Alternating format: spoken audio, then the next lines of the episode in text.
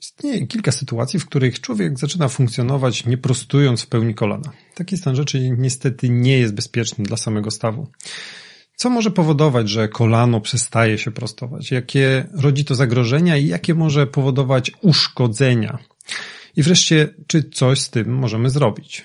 Zapraszam na kilkunastominutowe spotkanie z ortopedią.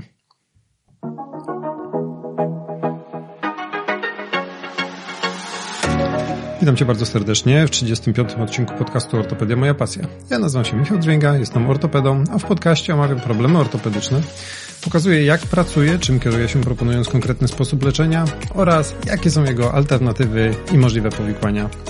Jeśli interesujesz się ortopedią, szukasz rozwiązania swojego problemu po urazie lub uczysz się ortopedii, koniecznie wysłuchaj tej audycji. W obrębie stawu kolanowego dochodzi do ruchu w kilku płaszczyznach. Podstawowym ruchem, który każdy z nas e, na co dzień zauważa, jest ruch zgięcia i wyprostu.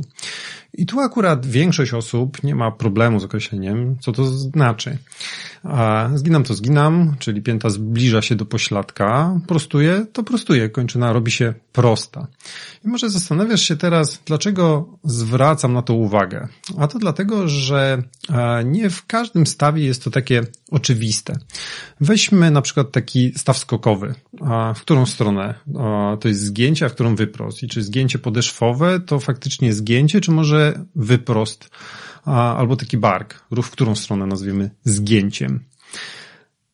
Na szczęście w kolanie jest łatwo, więc tematu nie ma. Wiadomo, co znaczy zgiąć, co znaczy wyprostować. Um, ruch ten zachodzi a w tak zwanej płaszczyźnie strzałkowej, tu może wtrącę tylko, że w medycynie, a, bo nie tylko w ortopedii, mamy trzy podstawowe płaszczyzny, w których określamy chociażby właśnie ruch.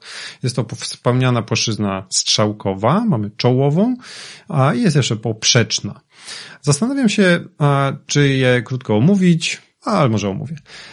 To tak, najłatwiej obrazić sobie płaszczyznę czołową. Jest to ta płaszczyzna równoległa do naszego czoła pleców, klatki piersiowej.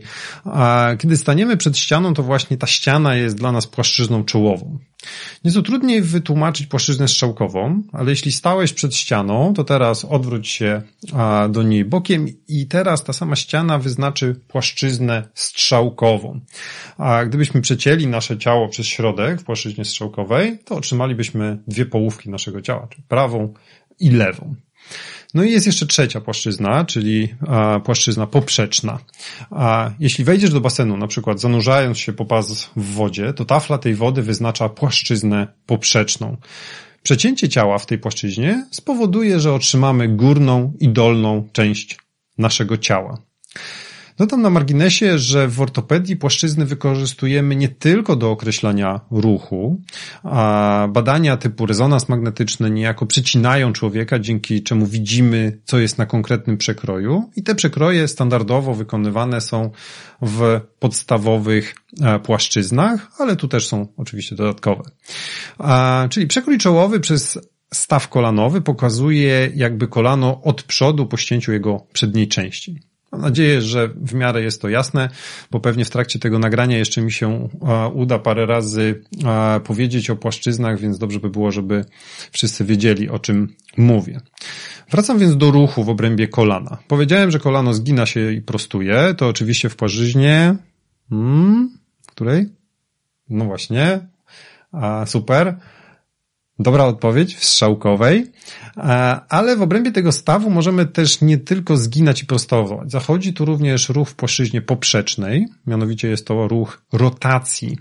Kiedy my go możemy wykonać, e, no to spróbujmy zrobić takie doświadczenie na żywym organizmie. Usiądź całkowicie z wyprostowaną nogą, kończyną, a teraz spróbuj poobracać golenią, pokręć nią. I co się dzieje? A kręci się w zasadzie cała noga, a więc zarówno goleń, jak i stopa, kolano i całe udo. W zasadzie w takiej pozycji rotujemy, rotując goleń, czy rotujemy goleń dzięki ruchowi w biodrze. A co teraz, jeśli zegniesz kolano 90 stopni? Teraz spróbuj pokręcić goleją. A, mm, kręci się wtedy stopa, ale kolano i udo w zasadzie już nie. Jeśli nie bardzo to czujesz, możesz złapać się za przednią część goleni ręką i jeszcze raz spróbować. A Ruch rotacyjny zachodzi w obrębie stawu kolanowego pomiędzy kością udową a kością piszczelową. Kiedy stopa zwraca się do środka, jest to rotacja wewnętrzna, a kiedy na zewnątrz mówimy o rotacji zewnętrznej. Nie są to jakieś ogromne zakresy, bo wynoszą średnio po około 10 stopni, no ale są. I czy to na tyle ruchu w obrębie stawu kolanowego, książkowo tyle, ale możesz e, w tym momencie zadać pytanie, co w takim razie z płaszczyzną czołową? Czy kolano może się ruszać w płaszczyźnie czołowej? Jeśli weźmiemy pod uwagę, że ruchem w stawie nazywamy, nazywamy wzajemne przesuwanie się powierzchni względem siebie, to w płaszczyźnie czołowej staw kolanowy się nie rusza. Istnieje jednak pewien ruch, który możemy wywołać który będzie miał za chwilę przełożenie na nasz dzisiejszy temat związany z prostowaniem kolana. Tym za chwilę chwilę.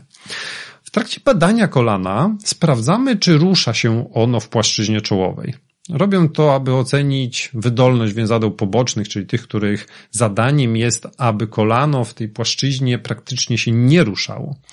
I co ja mogę zbadać? Otóż Ocena stabilności stawu kolanowego przebiega w dwóch etapach. Przy kolanie w pełni wyprostowanym, wręcz przeprostowanym oraz w lekkim zgięciu, tak około 15-20 stopni.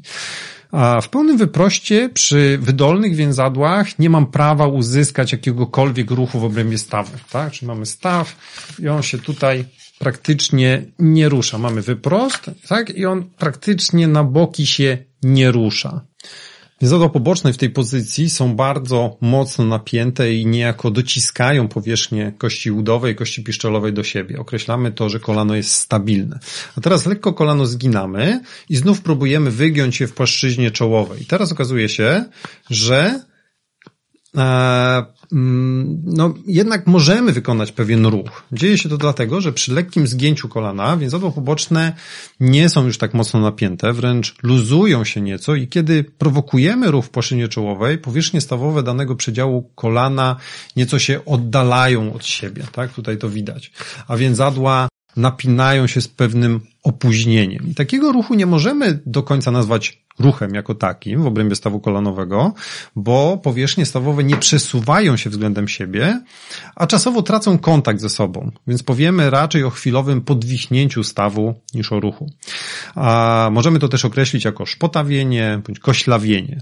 W zasadzie jak zwał, tak zwał. Dla nas ważne jest, że zmienia się kąt pomiędzy kością udową a kością piszczelową. Jest to podstawa do pierwszego argumentu, dlaczego kolano musi się prostować. Ale jeszcze ciągle o nim nie powiem.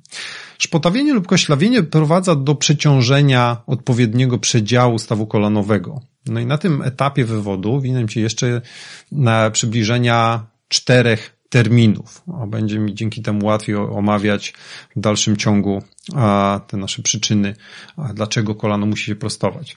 Pierwszy to szpotawość. Zastanawiałem się chwilę, jak to prosto wyjaśnić i pomyślałem, że zapytam, czy oglądałeś kiedyś western. Jeśli tak, to na pewno kojarzysz kowboja, który właśnie zsiadł z konia, idzie szeroko, stawiając kroki, a jego nogi wydają się nadal obejmować konia. Jego kolana są oddalone od siebie, a stopy znajdują się w mniejszej odległości od siebie niż kolana. Niektórzy nazywają to nogami takimi prostowanymi na beczce. Jeśli u takiego kowboja wyznaczylibyśmy prostą, idącą od środka jego stawu biodrowego do środka stawu skokowego, to jego kolano byłoby z boku, czyli na zewnątrz od tej linii. Drugi termin to koślawość i koślawość będzie oczywiście odwrotnością szpotawości. Tu musisz wyobrazić sobie dzieciaka, który stojąc na, a, ma złączone kolana, a jego stopy stoją w odległości od siebie. I kiedy próbuje on złączyć stopy, to kolana jakby przeszkadzają, a ustawiają się jedno za drugim, a jedno z przodu, drugie z tyłu. I taki osobnik biegając zaczepia wręcz kolanami o siebie i generalnie biega słabo. A o trzecim terminie już trochę przed chwilą niechcący wspomniałem, bo myślę o tej właśnie osi obciążenia, czyli jest to prosta, którą wyznaczaliśmy od środka biodra do środka stawu skokowego. Czwarty termin to przedziały stawu kolonowego, czyli też słowo o anatomii stawu kolonowego, bo w obrębie stawu kolonowego zarówno na kości piszczelowej, jak i na kości udowej mamy po dwie niezależne powierzchnie stawowe, pokrywające tak zwane kłykcie. Jest to przedział przyśrodkowy stawu kolanowego, tworzony przez kłykieć przyśrodkowy kości udowej i kości piszczelowej oraz przedział boczny, tworzony odpowiednio przez e, kłykieć boczny kości udowej i piszczelowej. W każdym przedziale znajdują się pomiędzy powierzchniami stawowymi łąkotki i mamy odpowiednią łąkotkę przyśrodkową i łąkotkę boczną. No dobra, to czemu w końcu to kolano ma się niby prostować? Wspomniałem o zmianie kąta pomiędzy kością udową a kością piszczelową w trakcie badania kolana w lekkim zgięciu. No i nagadałem się o tych szpotawościach i koślawościach, więc składam to wreszcie do kupy. Stoi cowboy na wyprostowanym kolanie, a jego więzadła poboczne są elegancko napięte, tak? Dociskają powierzchnie stawowe, przydziału przyśrodkowego i bocznego kolana. I w takiej sytuacji można powiedzieć, że pomimo wygięcia kończyny, tak, przedziały oba są podobnie obciążone. Zarówno przedział przyśrodkowy, jak i przedział boczny przenoszą nacisk. A teraz, mając całą tą wiedzę pochłoniętą przed chwilą, wyobraź sobie tego samego kowbaja, który lekko ugina kolano. I co się wtedy dzieje? Wiemy, że luzują się nieco więzadła poboczne i nie będą już dociskać powierzchni stawowych do siebie. Ponieważ kolano wyjściowo kowboja znajdowało się do boku osi obciążania, było szpotawe, to w takiej sytuacji noga wygnie się a do boku jeszcze bardziej, aż do napięcia więzadła po stronie bocznej, a, czyli więzadła pobocznego strzałkowego. Zanim więzadło się napnie, dojdzie do odsunięcia od siebie powierzchni stawowych przedziału bocznego. I w takiej sytuacji cały nacisk i ciężar kowboja zostanie przeniesiony przez dociśnięty przedział przyśrodkowy. I niby okej, okay, ale to oznacza, że to samo obciążenie przenoszone jest teraz przez dwa razy mniejszą powierzchnię, więc siła nacisku na jednostkę powierzchni jest w takim razie, no, ona wzrasta dramatycznie w każdym razie i nie jest ona obojętna dla wrażliwej powierzchni chrzęsnej członkotki. E, I oczywiście przy normalnym użytkowaniu kolana, kiedy obciążamy je raz w zdjęciu, raz w wyproście, to nie ma większego znaczenia, ale kiedy z jakiegoś powodu kolana nie możemy doprostować, to każdy krok wiąże się z, e, jakby zniszczeniem jednego z przedziałów. Ustaliliśmy, że przy kolanie szpotawym będzie to przedział przyśrodkowy, w takim razie domyśla się, że przy kolanie koślawym będzie to przedział boczny. Początkowo dojdzie do uszkodzenia łąkotki, Stopniowo zacznie wycierać się chrząstka i pojawią się osteofity, czyli wyrośla na brzegach kości. A im większe zniszczenia, tym trudniej jest nam uratować takie kolano. Co więcej, kolano wchodzi w istne błędne koło, bo uszkodzenie łąkotki i ból z tym związany powoduje, że pacjent podświadomie nie doprostowuje kolana, gdyż na, wtedy no, nie naciska łąkotki, ból wydaje się być mniejszym. To jednak doprowadza do właśnie szpotawienia, bądź też koślawienia. A, I ta łąkotka jeszcze jest bardziej uszkadzana. No a uszkodzona, nierówna, wyszczerbiona, ociera i uszkadza chrząstkę, która i tak już jest obciążona przez zaburzenie osi samo w sobie. A ból powoduje, że pacjent jeszcze bardziej nie prostuje tego kolana, no i błędne koło się zamyka. I ostatecznie deficyt wyprostu utrwala się, no i wtedy już jest naprawdę źle. Przy okazji poruszyłem przed chwilą jeden z powodów braku wyprostów kolana, mianowicie uszkodzenie łąkotki. I faktycznie tak jest, że unikając bólu przy uszkodzeniu łąkotki, pacjent nie doprostowuje kolana. Um, jakie jeszcze moglibyśmy tu wyliczyć przyczyny wyprostu. Słyszałeś może o uszkodzeniu łąkotki typu rączki od wiadra.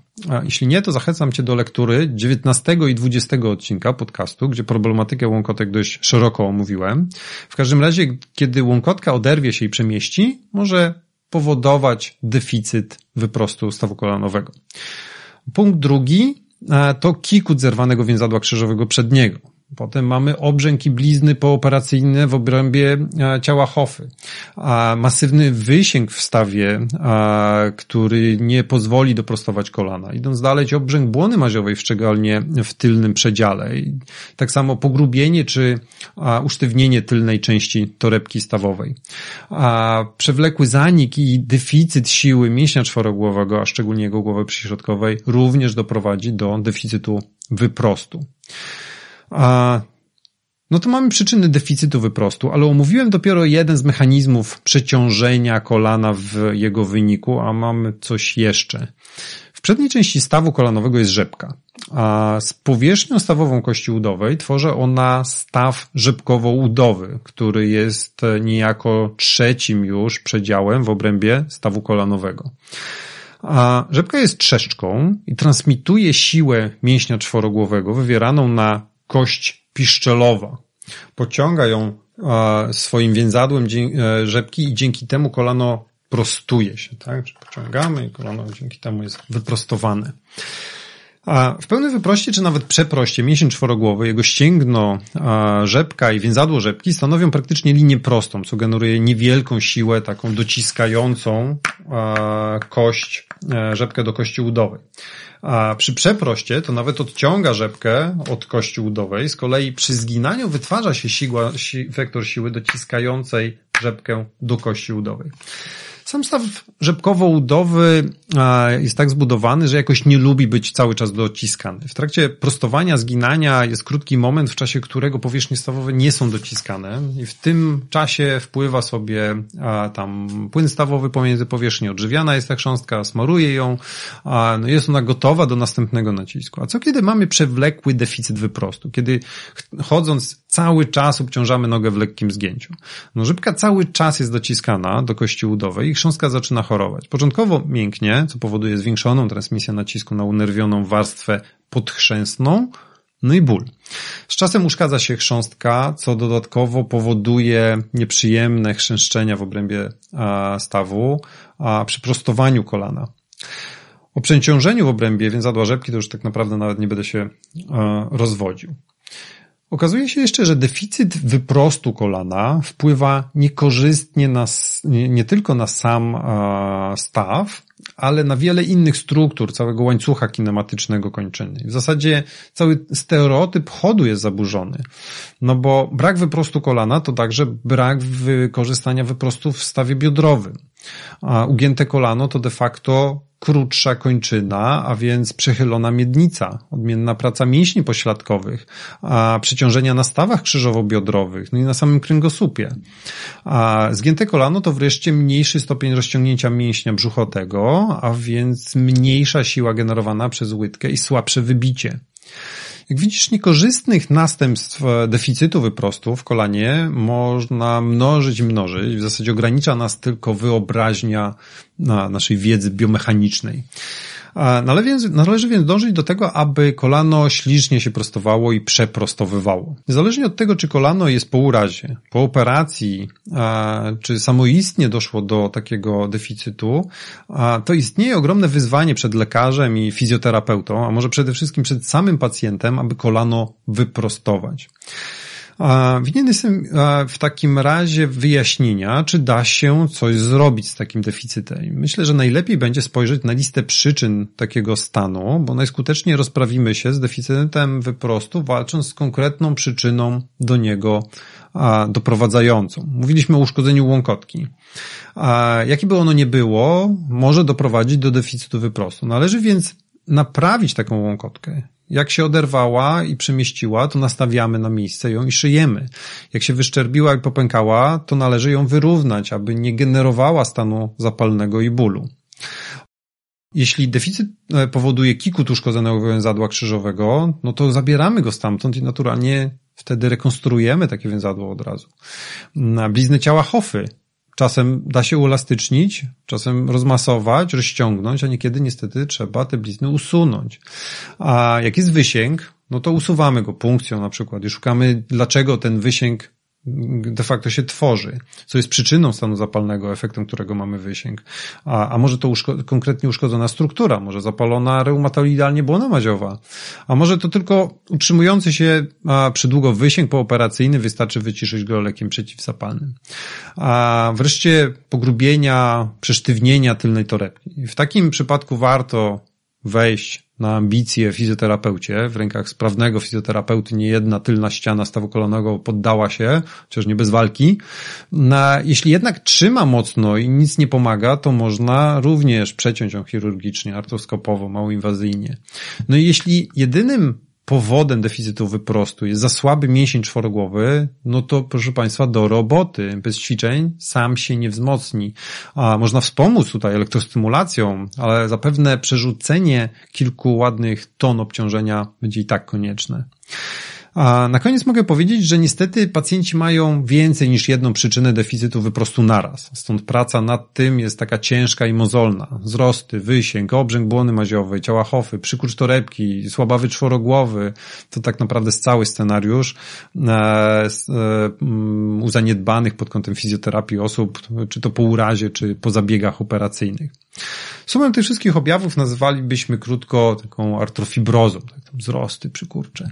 I w walce z takim stanem rzeczy mobilizujemy wszystko i wszystkich. Tak? Światły i silny fizjoterapeuta jest bardzo przydatny. Farmakologia no, konieczna. Świadomość i praca własna pacjenta nieoceniona i prawidłowa diagnoza lekarza przede wszystkim podstawowa. A zaopatrzenie ortopedyczne.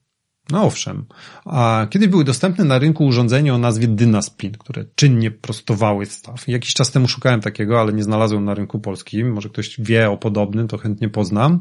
Ja w każdym razie zainspirowany rozmową z kolegą po fachu, Łukaszem Lubińskim, zrobiłem szynę wspomagającą walkę z deficytem wyprostu.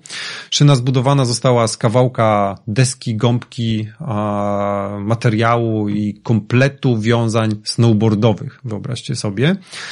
I teraz możesz ją tutaj z boku zobaczyć, jak oglądasz to na YouTubie, no chyba, że słuchasz podcastu, to niestety bardzo Cię przepraszam i uciekam się do Twojej bujnej wyobraźni. A nie wiem, czy wymieniłem wszystkie przyczyny deficytu wyprostu i możliwe postępowania. Jeśli coś ważnego pominąłem, to chętnie przeczytam o tym w komentarzach. No i oczywiście chętnie zajmę stanowisko. Jeśli więc przychodzi Ci coś do głowy, co mogłoby, może mi wyleciało w trakcie, z głowy z tego, w trakcie tego monologu, to proszę napisz. A jakby przy okazji Ci się chciało napisać jakąś drobną opinię w aplikacji, w której słuchasz tego wywodu, to już bym w ogóle był mega szczęśliwy. Mam świadomość, że troszeczkę po macoszemu potraktowałem problem artrofibrozy, ale to dlatego, że już kiedyś planowałem o tym zrobić cały osobny odcinek odcinek podcastu, tak więc będzie jeszcze pewnie okazja na ten temat porozwodzić się, porozmawiać. O, tyle na dzisiaj. Bardzo Ci dziękuję za spędzony tu ze mną czas i życzę zdrowia, odporności i wielu udanych aktywności fizycznych i wszystkich bezpiecznych. Cześć.